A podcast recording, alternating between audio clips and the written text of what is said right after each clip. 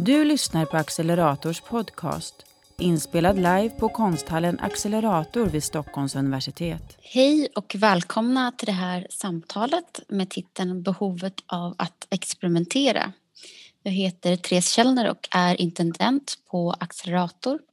Jag har med mig Rickard Julin som är konstnärlig ledare på Accelerator och vi har en gäst som är Staffan Bergvik, professor i idéhistoria vid institutionen för kultur och estetik här på Stockholms universitet. Det här är det första samtalet i en serie samtal till Accelerators kommande utställning Experimentalfältet. Eh, Experimentalfältet är färdiginstallerad. Eh, jag och Rickard eh, sitter just nu i utställningen i varsin sal vi kommer presentera den lite närmare snart. Ehm, det är jag och Rickard som har kurerat den här utställningen eh, tillsammans. Och vi ser väldigt mycket fram emot att kunna öppna den eh, tidigt i vår. Utställningen kommer löpa ehm, under hela våren och fram till sommaren.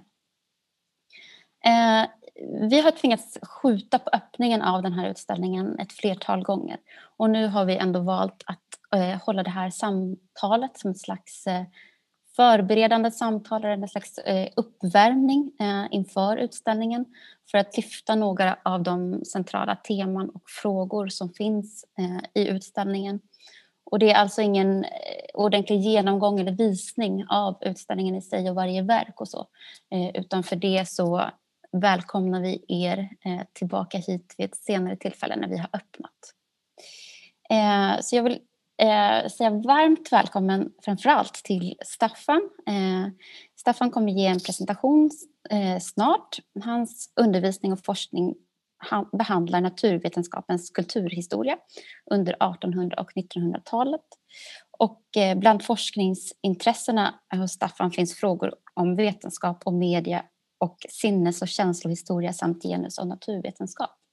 Den här utställningen, Experimentalfältet, lyfter bland annat den här platsen, alltså universitetets eh, långa historia av kunskapande och experimenterande eh, i olika former och det är någonting som eh, Staffan har stor kunskap om. Samtalet är en del av Accelerators konst och forskningsprogram.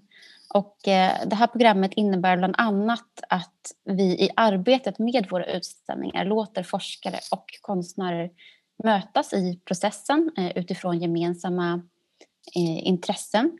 Det här, eh, eh och vissa möten utvecklas också till längre dialoger och eh, samarbeten.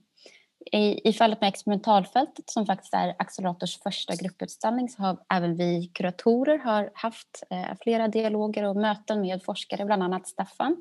Och Staffan, du har ju även träffat eh, konstnärsgrupperna Non-Existent Center och O som har skapat ett eh, nyproducerat verk specifikt för den här utställningen, eh, It takes a village.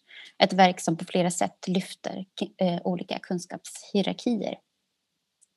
Vi, det här samtalet kommer pågå i eh, cirka en timme och för er som ser det här samtalet eh, via livestream på Facebook så finns det möjlighet att ställa frågor i kommentarsfältet. Så om det har kommit in några så lyfter vi dem i, i slutet. Ehm, och eh, samtalet spelas in så det kommer också finnas tillgängligt i efterhand i Accelerators kanaler. Jag kommer att eh, inleda med en kort inblick i eh, historien över den här platsen. Ehm, universitetets ehm, campus som, och den här platsen var också vår startpunkt i arbetet med utställningen. Eh, här fanns en verksamhet som kallades för experimentalfältet och det har också fått ge eh, titeln till själva utställningen. Eh, flera medverkande konstnärer ställ, ställer frågor kring strukturer för kunskapsproduktion och hur dessa strukturer påverkar både mellanmänskliga relationer men också relationer till andra arter. Och dessa centrala teman och tankar bakom utställningen kommer eh, Rickard snart berätta lite mer om. Eh, och I relation till det så ger Staffan en reflektion kring hierarkier och strukturer som formar och format kunskapande. Och vi kommer avsluta eh, sen med eh, ett gemensamt eh, samtal kring de här frågorna. Då kommer jag eh, börja här med att dela min skärm för att berätta om experimentalfältets historia. Så. Um, Ehm, ja, området som accelerator och universitetet befinner sig på har sedan Gustav, Gustav Vasas tid, alltså 1500-talet, varit kunglig mark. Här fanns då mindre jordbruk, stora skogar och stora områden av våtmark. I slutet av 1600-talet så inhägnades hela, stor, eh, hela norra och södra Djurgården och förvandlades till jaktpark på uppdrag av eh, Karl XI. Sen under Gustav IIIs tid på 1700-talet så blev parken allt mer av eh, en lustpark. I slutet av 1700-talet så hade jordbruksfrågor kommit högt på agendan eller det hade redan blivit väldigt trendigt i högre klasser eh, genom hela Europa, så även i Sverige. Och i början av 1800-talet så startades en ny eh, akademi, Kungliga Lantbruksakademin. 1816 så startade den här akademin eh, verksamheten Experimentalfältet på eh, den här platsen. Och den här verksamheten fanns här sen och var aktiv i nästan 150 år. De sista delarna av verksamheten avvecklades eh, först på 1960-talet när Stockholms universitet flyttade hit.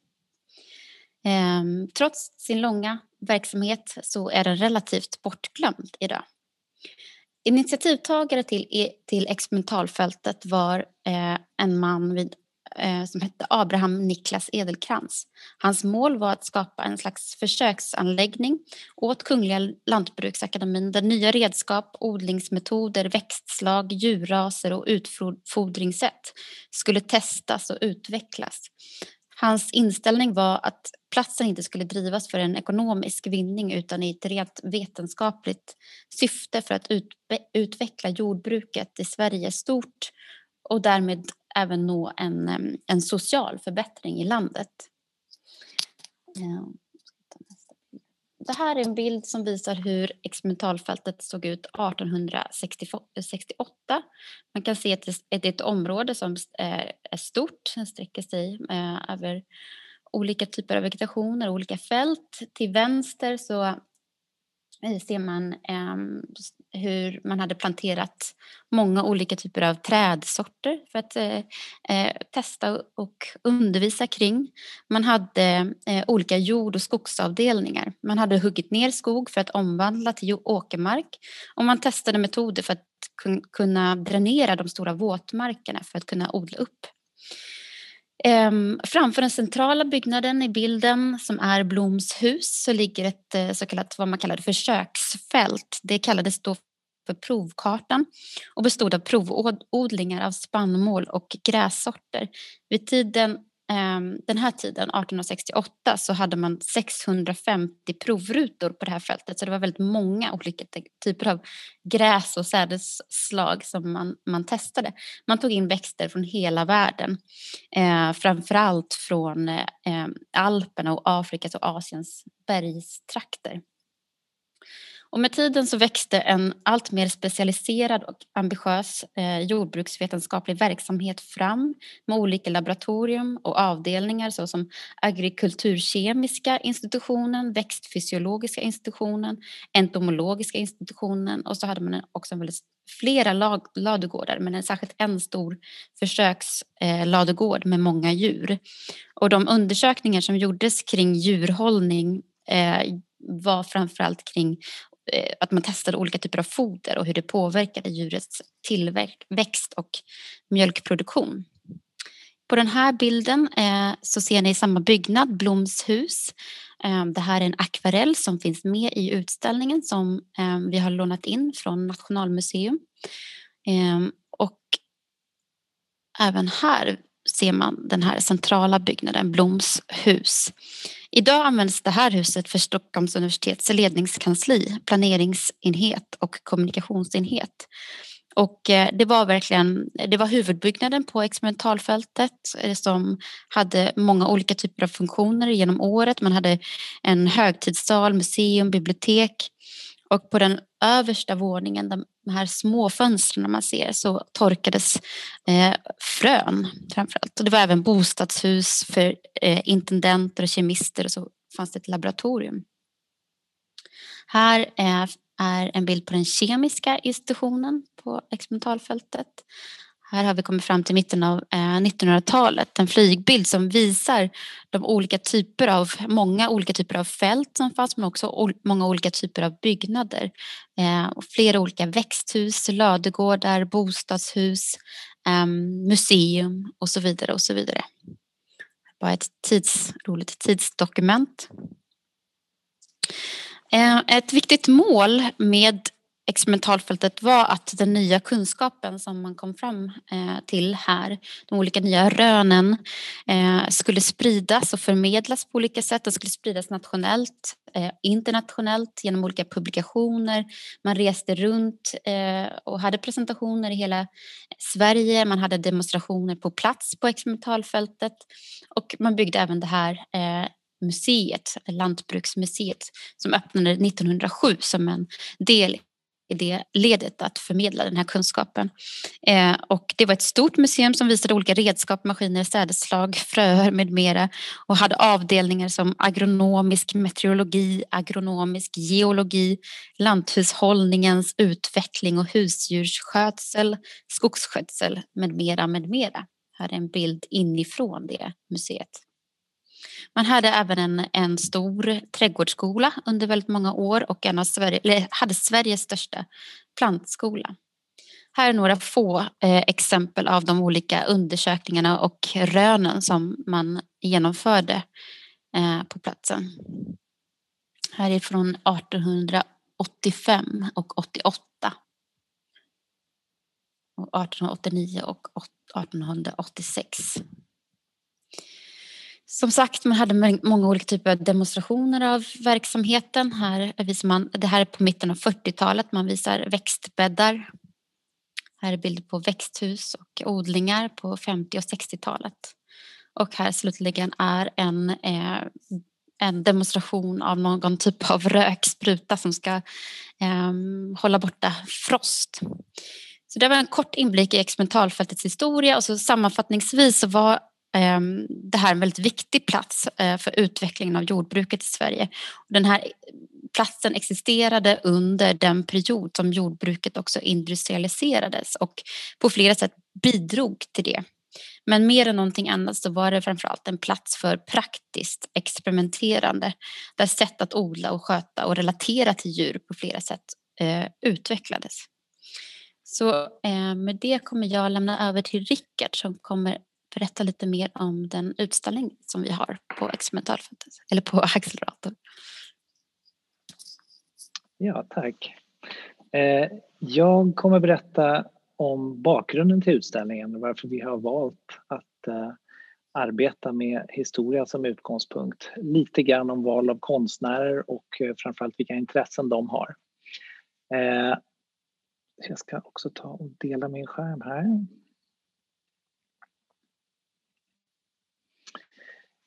Eh, jag vill börja med att säga att Accelerator ju är en ny konsthall. Vi har funnits här på den här platsen rent fysiskt med konsthallen sedan september i förra, eh, förra året.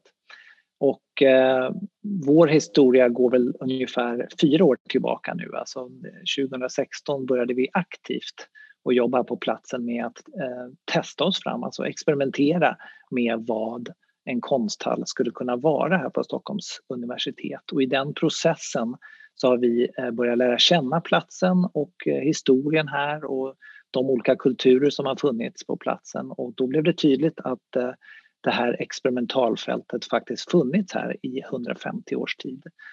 Så det var en upptäckt för oss som arbetar här som vi tyckte var väldigt spännande. Och ska vi se här. Eh, vi har alltså då under några års tid eh, testat oss fram eh, med olika projekt som, som vi gjorde på platsen här.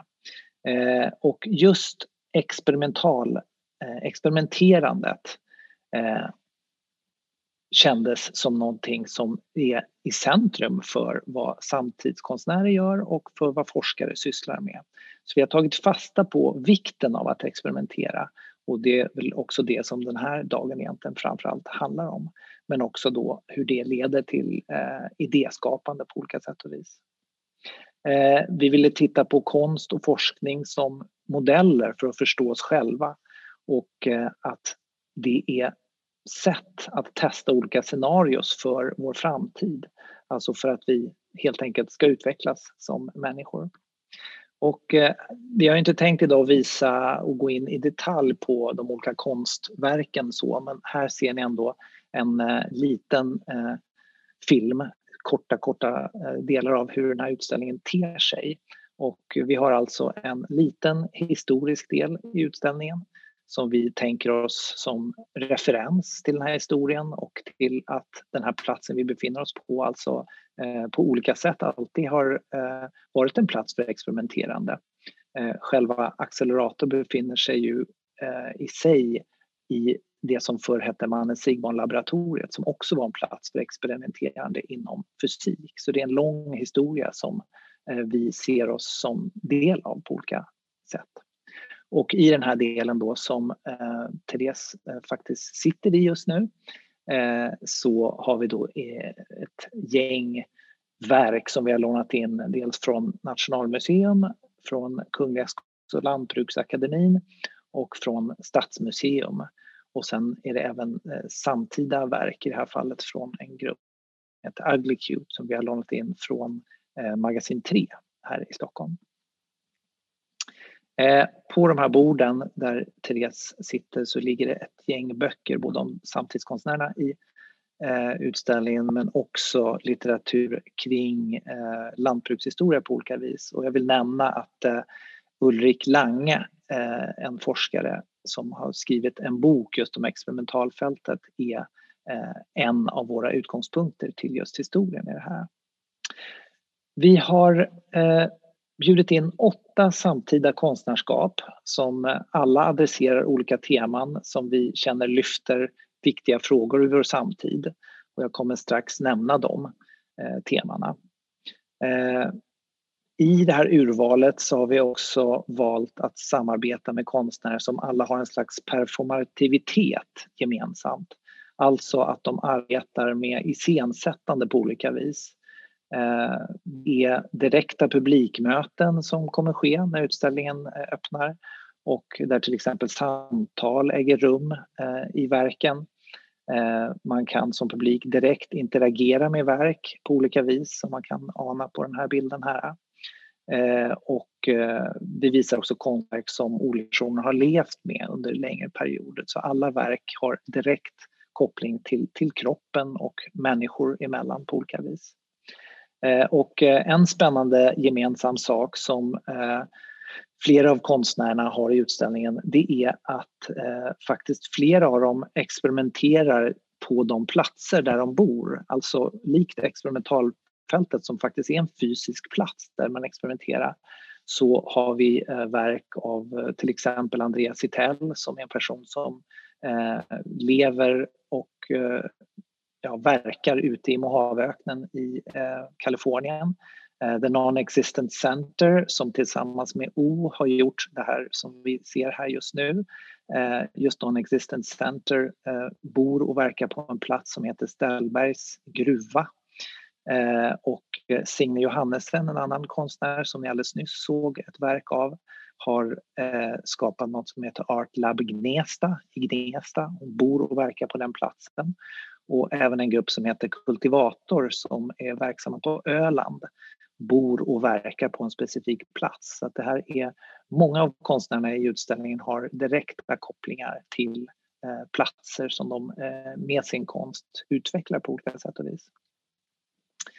Eh, ja, de teman eh, är, som vi har tagit fasta på i relation till eh, samtidsfrågor som vi tycker är spännande att lyfta tillsammans med tanken om experimentalfältet är framförallt tre. Eh, en är relationen mellan människan och andra arter. Ett icke-hierarkiskt synsätt på relationen mellan eh, oss människor och djur. Eh, en artöverskridande eh, sätt att se på, på våra relationer. Ett annat tema är människans ömsesidiga beroende med skogen skogen som ett tema som eh, känns högaktuellt just nu på eh, många sätt och vis. och sen eh, sist men inte minst relationen mellan stad och land. Ett tema som lyfts i flera av verken. Och som avrundning när jag lämnar över till Staffan vill jag då säga att vi på Accelerator Eh, vill stimulera till ytterligare diskussion kring de här sakerna. Eh, naturligtvis jättegärna i möte med vår publik när eh, det är möjligt att faktiskt se den här utställningen eh, som vi hoppas nu, hoppas nu i början av 2021. Eh, men också eh, ytterligare diskussioner med forskare eh, som nu här i det här samtalet. Men vi kommer alltså fortsätta att ha eh, flera eh, programpunkter Eh, under experimentalfältets eh, eh, tid. Så, då lämnar jag över till Staffan.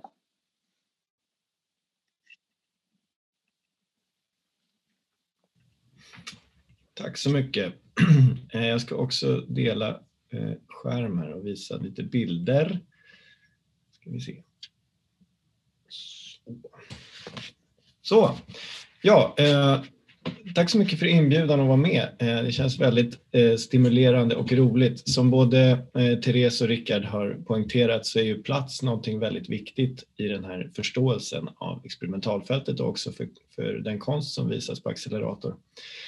Och jag tänker försöka ge er, som idéhistoriker då, så tänker jag försöka ge ett lite bredare historiskt kanske sammanhang kring hur man kan tänka kring kunskap utifrån plats men också utifrån tid.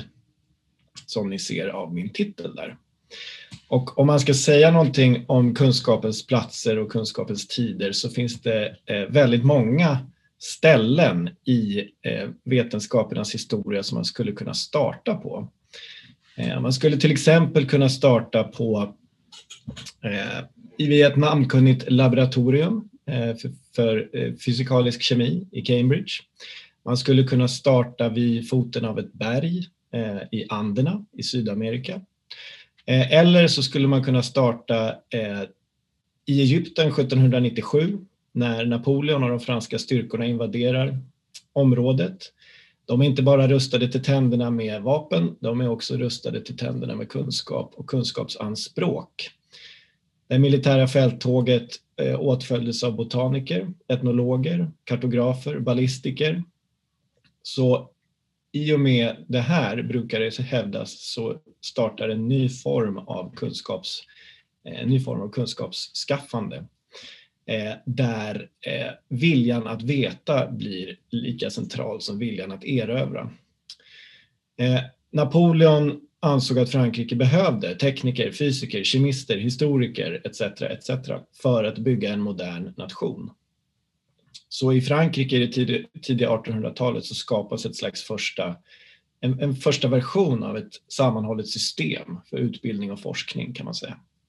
Så detta skulle kunna fungera som ett exempel på att kunskapen historiskt sett alltid har varit systemisk. Jag ska försöka utveckla vad jag menar med det.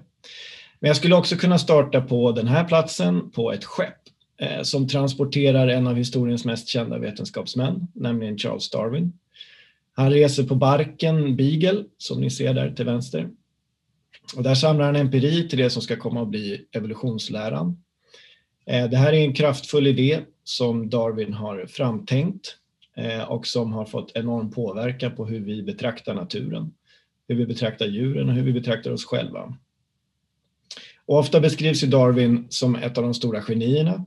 Eh, men den här kunskapen och evolutionsläran var inte bara en idé. Det var också, den kom också ur ett sätt att tänka eh, och ett praktiskt sätt att tänka. Darwin kan man säga tänkte i ett kolonialt system. Han åkte på ett fartyg vars primära uppgift var att kartlägga handelsvägar för det brittiska imperiet. Eh, så själva informationsinhämtningen som eh, evolutionsläran byggde på eh, kom till tack vare det brittiska imperiets globala anspråk och globala system av kommunikation och dominans. Så kanske kan man säga att samhällets ordning formade en slags infrastruktur för kunskapen. Det blev helt enkelt möjligt att tänka som Darwin gjorde vid just den här tidpunkten tack vare de platser som han färdades på. Om man ska eh, zooma in lite mer och komma eh, till experimentalfältet som vi talar om kanske mest idag och samtidigt då komma fram till eh, närma, närma oss det som är egentligen min centrala poäng så är det att kunskapen måste förstås som bunden i och beroende av tid och rum.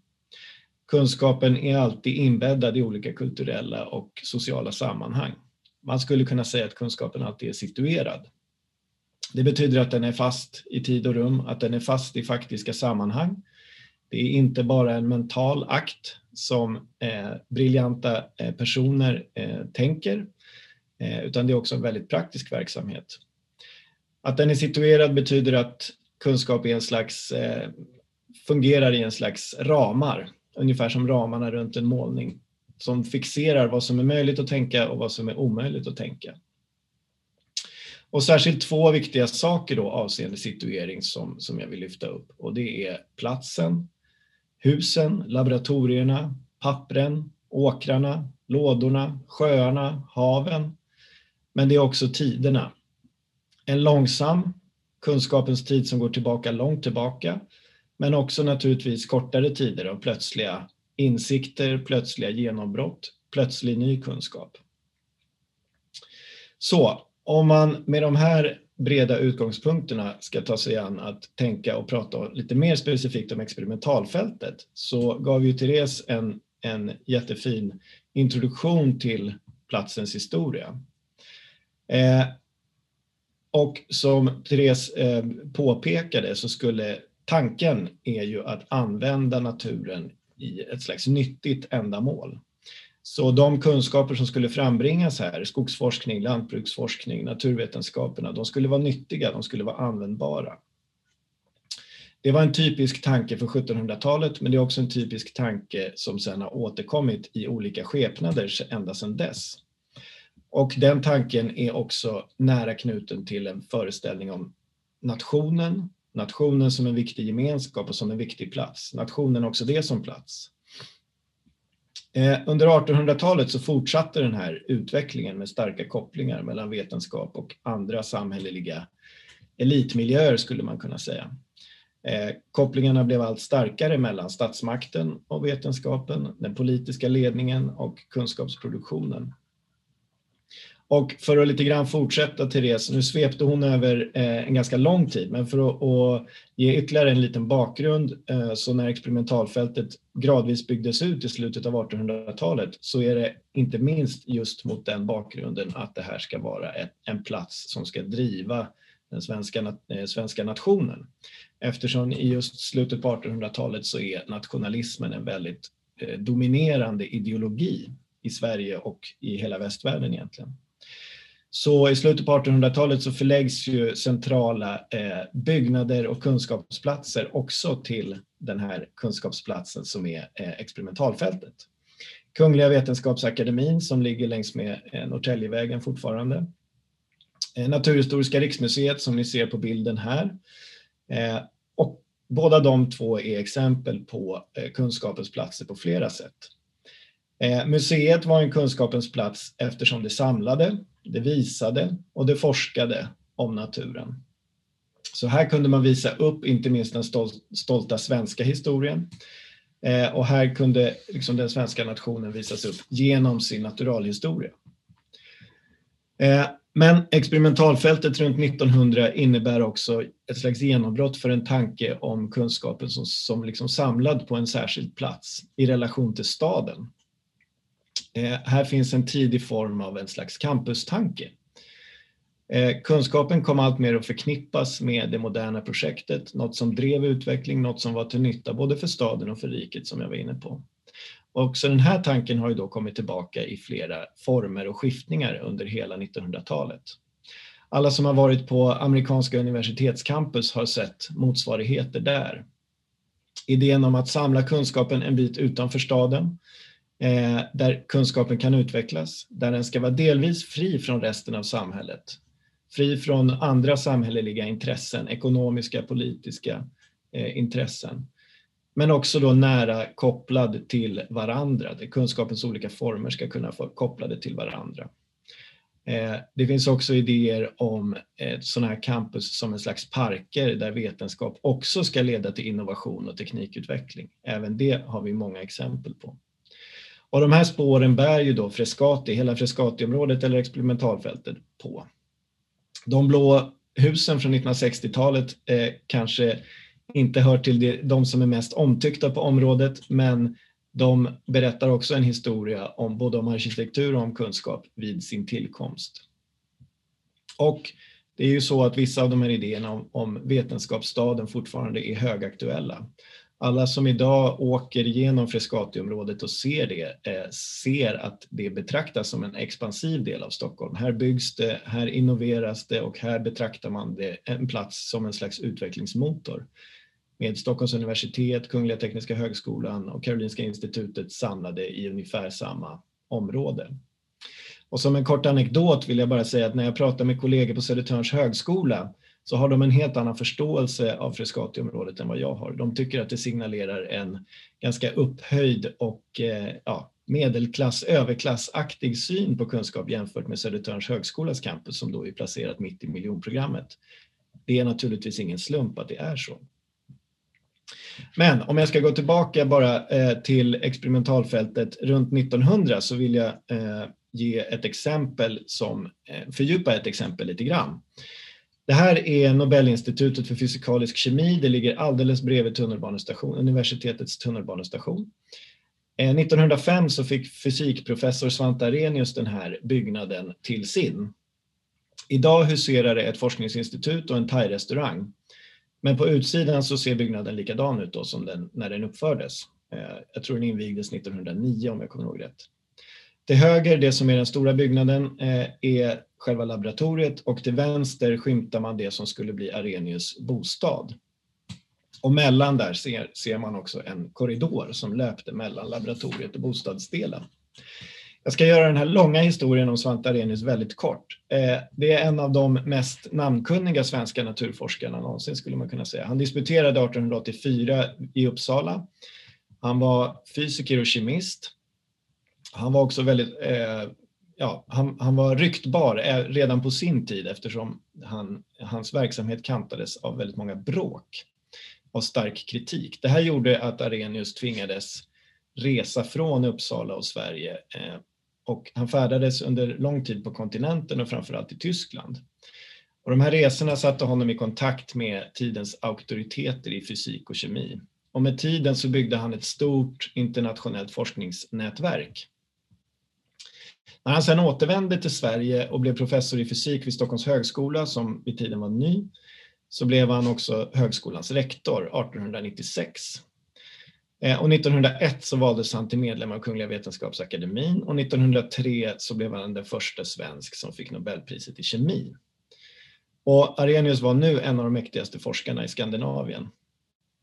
Det här Nobelinstitutet då, det var tänkt ursprungligen som ett sätt att kontrollera Nobelprisen, alltså göra de experiment som Nobelpristagarna hade gjort för att kontrollera deras, eh, eh, deras eh, riktighet. Eh, byggnaden i sig följde ett samtida mönster där nya laboratorier skapades på flera platser i Europa, där experimenterandet skedde. Och de här var vid tiden organisatoriskt och rumsligt en slags nyheter. Eh, Arrhenius laboratorium följde en tysk modell där det, det tillkom en, en, en, en professor att ha ett välutrustat laboratorium som, också, som skulle inkludera då tillgång till avancerade instrument men också en rymlig bostad för föreståndaren. Så hemmet var lika viktigt, nästan i alla fall, som laboratoriet. Hemmet var en plats för privat lycka. Men i den här tyska modellen så var det då också ett privilegium för föreståndaren Eh, att ha en bostad som också stödde hans vetenskapliga strävanden. Och Arrhenius eh, institut signalerade flera saker. Det signalerade hans status som vetenskapsman. Det visade att han var en av de främsta europeiska naturforskarna genom att ha begåvats med ett sånt här laboratorium. Det visar också betydelsen av vetenskapliga samarbeten för att kunskap ska kunna komma till. Det här huset huserade en lång rad gäster och kollegor som Arrhenius la väldigt mycket tid på att korrespondera med och som han besökte och umgicks med under många år. De här vännerna, vännerna och kollegorna skapade lojaliteter, tillit, stöd och det var genom de här samarbetsstrukturerna som kunskap kunde komma till. Men institutet signalerar också ett slags kunskapens liv. Här levde Svante Arrhenius med sin fru Maja och sina barn. Här blandades ständigt det privata med det offentliga. Här blandades vetenskapen med vardagen. Och slutligen så signalerar institutet också att det var en slags vetenskaplig identitet som var inbyggd i det. Det var en vetenskapsman. Det var en plats för en patriark, en ledare, en familjefar. Att ha ett laboratorium eh, och en fungerande familj, inklusive då en stöttande fru som tog hand om det vardagliga, det var en slags norm i det vetenskapliga sammanhanget vid den här tiden. Så därför i en tillbakablick på sitt liv då skriven 1925 så konstaterar Renius själv att när han hade gift sig med Maja eh, 1905 och fått ett laboratorium ungefär samtidigt så var hans vetenskapliga liv komplett. Han konstaterar själv i sin självbiografi då att min ställning var nu i alla avseenden utmärkt. Det var onaturligt att jag skulle fortsätta leva så som ungkar. Okej, okay, jag har givit er några eh, exempel på platsens betydelse för kunskap och att plats kan betyda väldigt många olika saker. Men den här poängen om situering som jag ville göra inkluderar ju också tid. Och eh, det är svårt att representera tid i någon, i någon bra sammanhållen bild. Den bästa jag hittade var eh, den här, 1700-talskemisten Joseph Priestleys A New Chart of History. Så här ser ni världshistorien framför er. Eh, men det jag vill säga är att experimentalfältet visar både en lång och en kort tid skulle jag vilja säga och hur båda de två är verksamma. Eh, platsen, den ligger där den ligger och den ligger där den ligger inte minst på grund av att den är lagd där den är lagd. Eh, den har helt enkelt en historia. Det går inte att flytta på experimentalfältet hur som helst och det har inte flyttats på experimentalfältet sedan, eh, sedan 1500-1600-talet.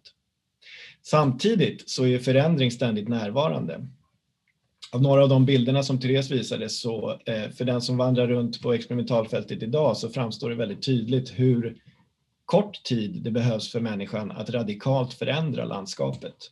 Att inverka på platsen och egentligen bygga en helt ny plats.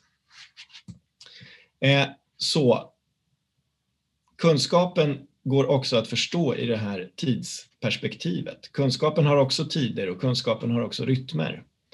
Och på vissa sätt så tycks de här rytmerna gå stick i stäv med andra samhälleliga rytmer. Ibland är det lätt att få intrycket att tiden accelererar. Vi lever med intensiva nyhetscykler, vi har ganska kort minne och vi tycks ibland vara ganska självupptagna i nuet. Och dessutom 2020 visar ju med förskräckande klarhet att saker kan förändra sig väldigt, väldigt hastigt. I ljuset av det så tycks den här kunskapens långa rytm eh, och långsamma rytm vara otidsenlig. Vem har tid att vänta i 10, 15, 20 år på ett forskningsprojekt för att besvara frågor som vi behöver svaret på just nu?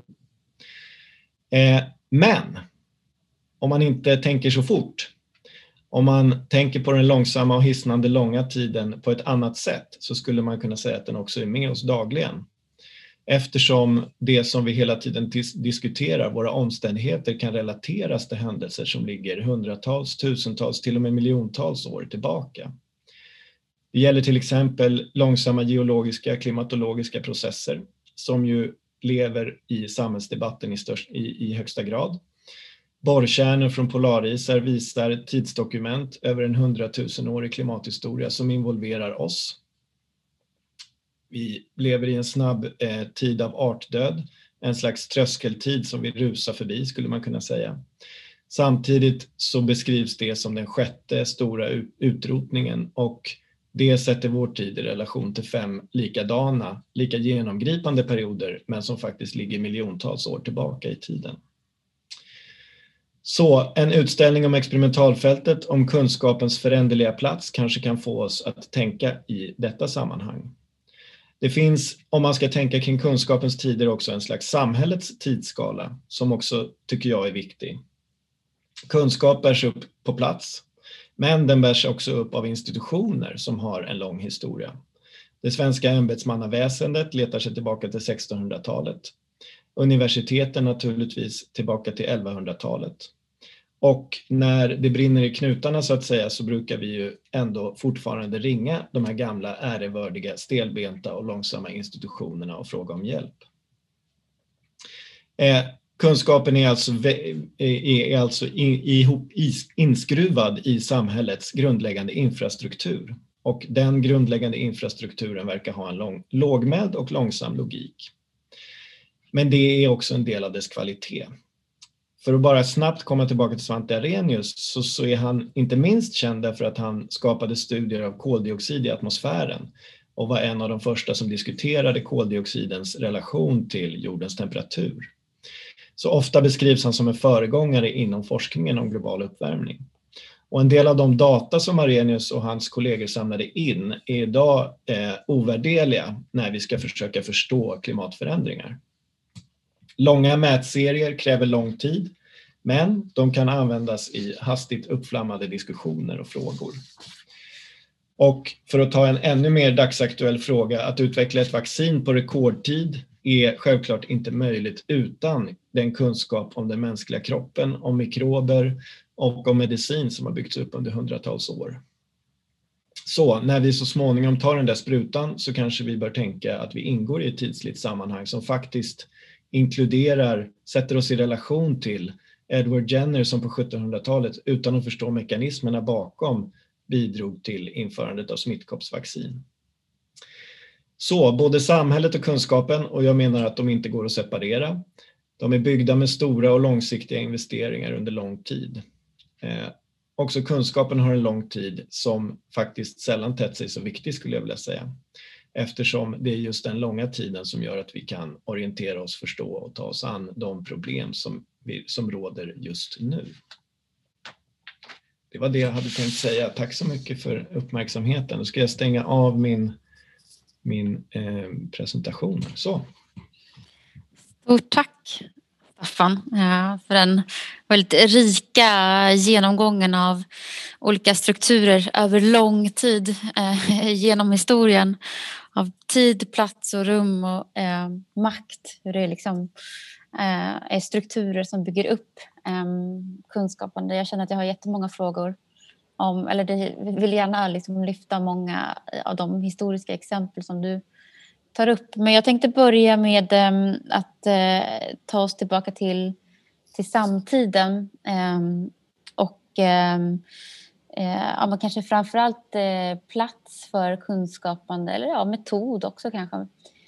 Um, och jag tänkte att vi kunde prata lite eller lyfta frågan om vad det, vad det finns för... Nu lyfter vi den här, Accelerator lyfter en, en utställning om eh, experimenterande på många olika sätt och Rickard eh, nämnde flera sätt som liksom konstnärerna arbetar på, på ett experimentellt sätt.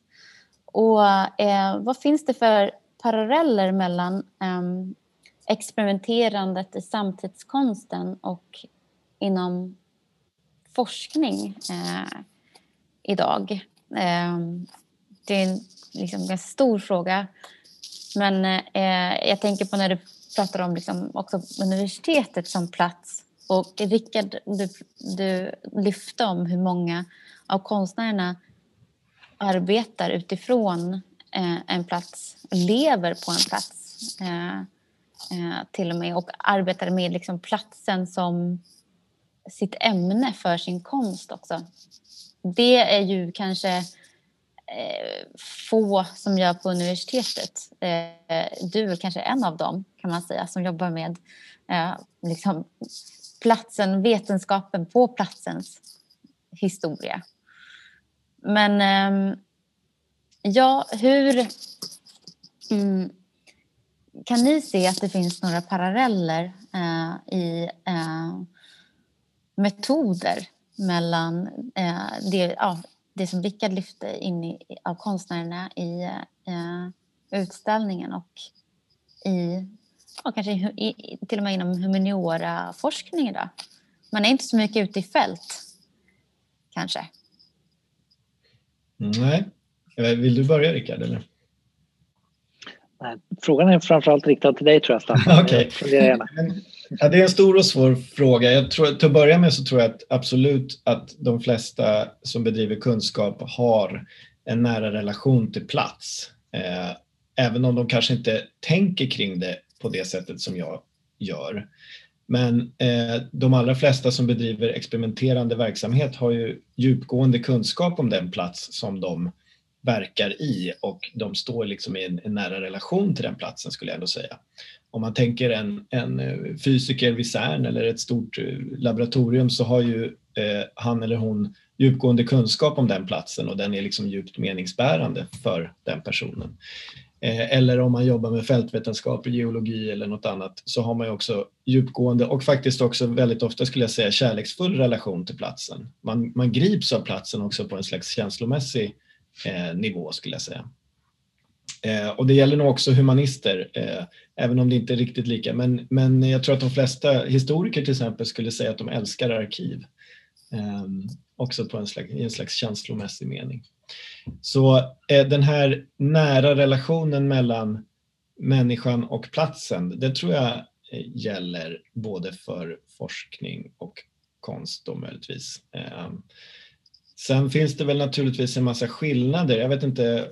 Um, för, för, för, vetenskapen så är ju experiment nästan en, någon slags helig grej. Eh, inte minst för naturvetare. Och en sak som skiljer sig är ju, apropå en lång tid, att det under lång tid just har varit en central del av naturvetenskapen. Åtminstone i, i 400 år så har man ju betraktat experimentet som den, som den särskilda aspekten av vetenskaplig verksamhet, så att säga. Där man liksom gör anspråk på objektiv sann kunskap just tack vare att man gör experiment. Eh, så där har väl kanske eh, vetenskaperna liksom resonerat om och tänkt kring och bedrivit experiment längre än vad konsten har gjort. Kanske, jag vet inte. Eh, det här vet ni mer om kanske. Åtminstone har man nog betraktat det man gör som experiment på ett annat sätt än vad konsten har gjort. Sen att man kanske har experimenterat i praktiken också i konst under väldigt lång tid. Men om ni förstår skillnaden, alltså den här medvetna reflektionen kring experimentet och experimentets höga status det är ju någonting som är speciellt kanske för vetenskaperna. Jag kanske kan börja så, så kan Rickard få komma in så kan jag fylla i sen. Ja, eh, jag tänker det ena är väl att man eh, på sätt och vis eh, inom samtidskonsten kanske inte så mycket ändå pratar om experimenterandet som, som det du lyfter, där, där man verkligen säger att vi experimenterar. Men samtidigt gör man ju det precis i lika hög utsträckning. Och eh, jag tänker på det faktumet, apropå plats och plats att experimentera, att vi är det. Alltså, eh, vi är en konsthall där vi uppmanar till experiment på olika vis. Eh, I den här utställningen eh, så har nästintill alla konstnärer skapat nya verk och flera av verken har uppstått här i, i några rum här, eh, någon trappa upp så har några av konstnärerna jobbat i eh, en månads tid och tagit fram ett verk och så. Så att det är, de är väldigt starkt kopplade till platsen. Så att, eh, på så vis, eh, jag vet inte om det är en parallell mellan de två, jag tror, jag tror man ser på det lite olika men, men eh, ju längre vi är här på universitetet desto tydligare blir det för mig att ändå forskning och samtidskonst eh, har oerhört mycket gemensamt helt enkelt. Och att det är eh, givande och spännande att titta på olikheterna och eh, var man är nära.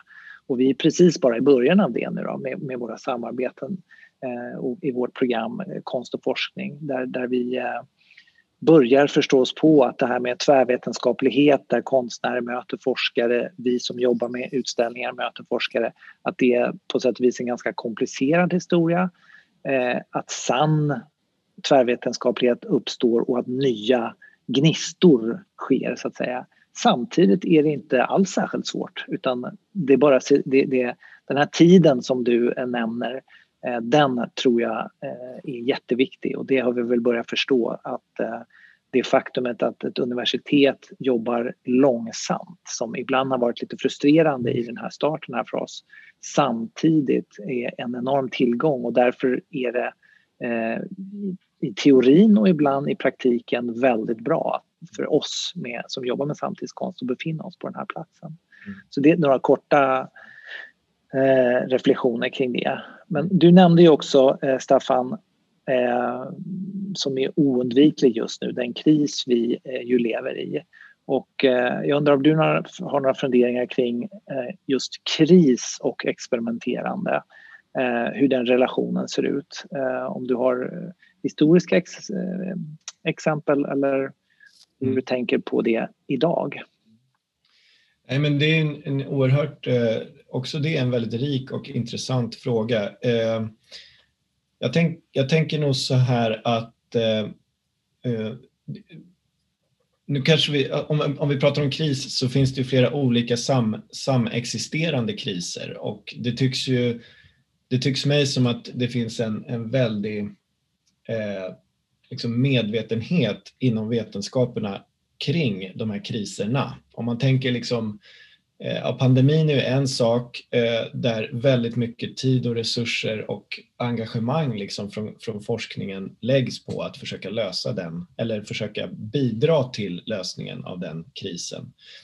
Eh, om man dessutom tänker klimatkrisen så finns det ju jättemycket forskning som också riktar sig mot, mot, den, mot den krisen ehm, en annan sån här liksom, jag vet inte, kris, det beror på vad man menar med kris, men, men om man tänker sig liksom demokratin i, i någon slags kris så finns ju en oerhörd medvetenhet inom vetenskaperna kring det också. Eh, hur liksom demokratin fungerar som en bas för sökandet av sann, fri kunskap. Om vi nu liksom, att, att det demokratiska samhället är en viktig bas för att kunna bedriva fri forskning helt enkelt.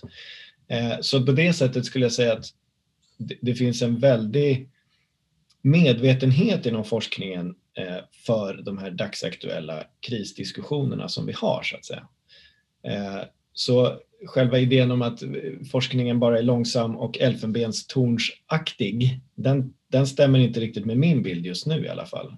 inte bara det att det läggs mycket pengar på forskning som är riktad mot de här kriserna utan också att det finns en väldigt stark tro bland många forskare på att man, eller vilja att bidra till samhällets liksom, kunskapsförsörjning och samhällets eh, förmåga att ta sig an de här kriserna.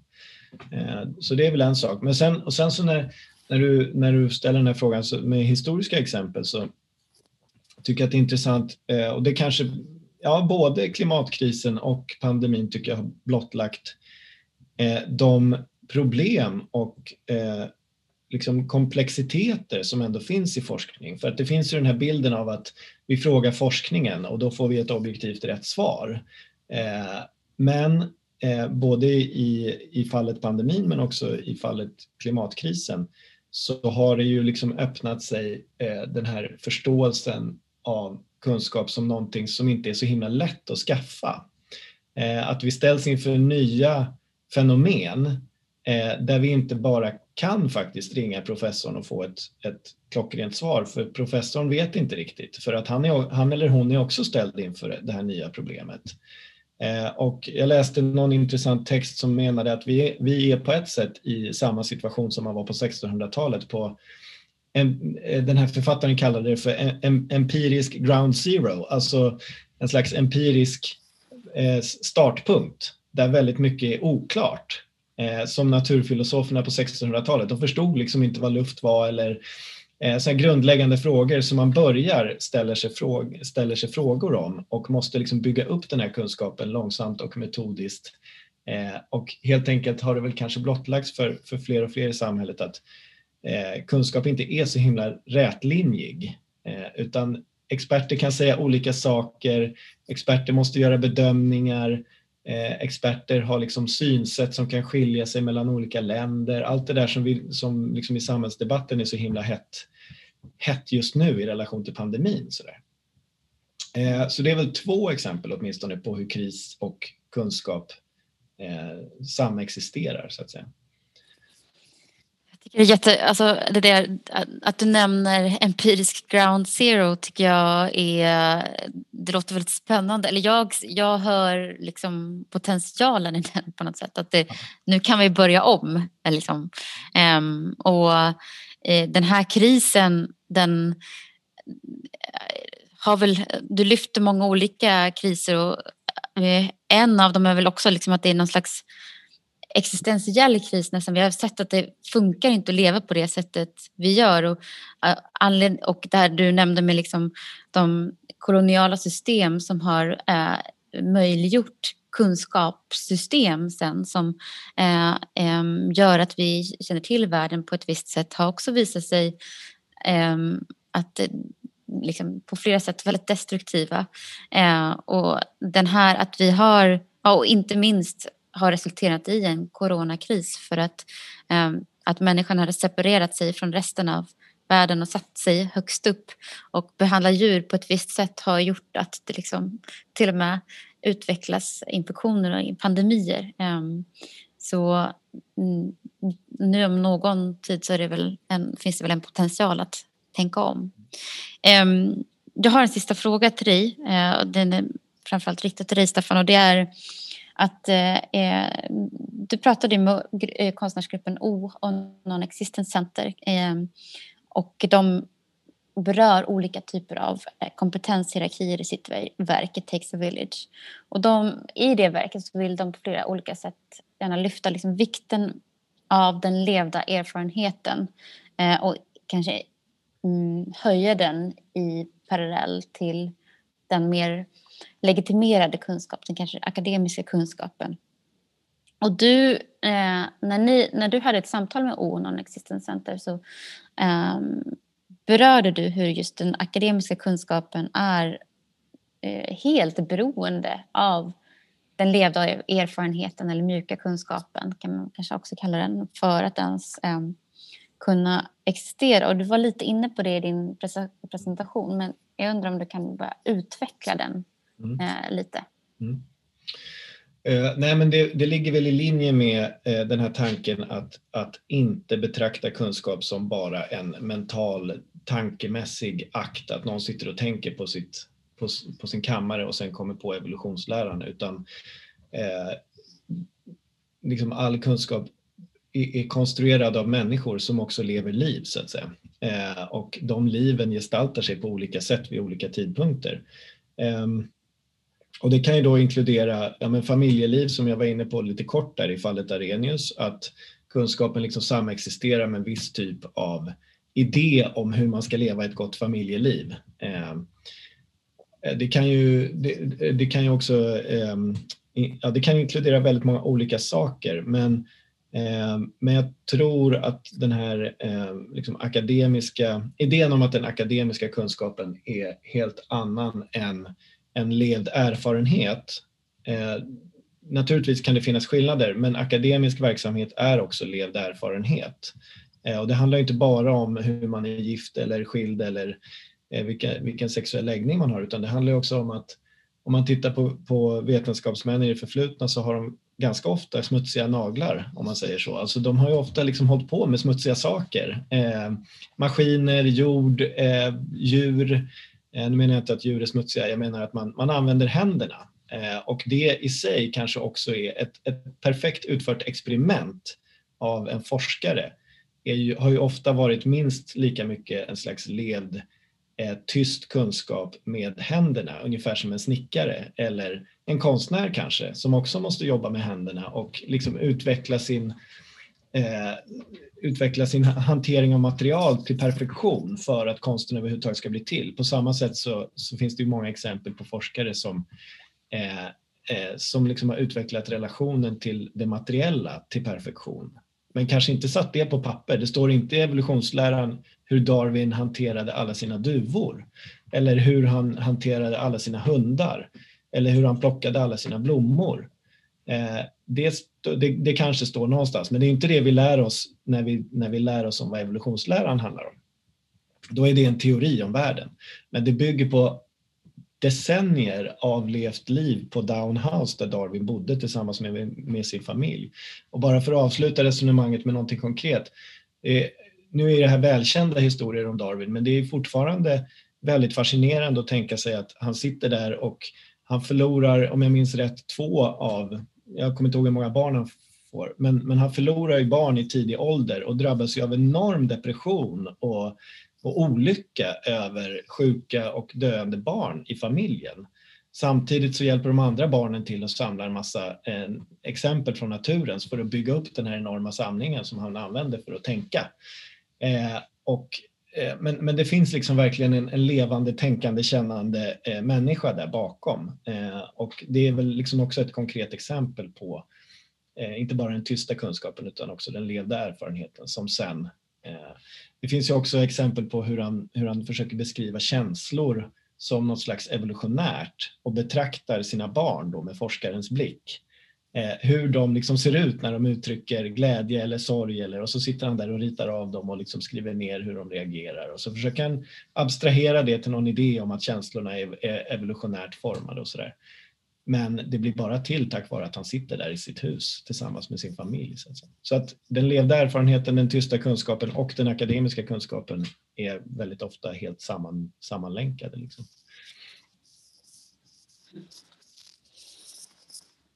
Eh, ja, då ser jag att eh, klockan har precis slagit eh, fem så det har gått en timme. Ehm, så vår tid är helt enkelt ute. Jag tror vi får eh, ta och avsluta där. För Rickard, visst har du inte någon, det har inte kommit in någon fråga eller så? Nej, det Nej. var perfekta slutord där tycker jag mm. från Staffan. Men, eh, tack så jättemycket Staffan. Tack för alla som har varit med eh, och eh, lyssnat. Tack. Tack. Hej då. Hej då. Hej då. Du har lyssnat på en podcast från Accelerator inspelad live på konsthallen Accelerator vid Stockholms universitet. För att ta del av vårt program, prenumerera på vår podcast och besök Accelerators hemsida acceleratorsu.art där du även kan prenumerera på vårt nyhetsbrev.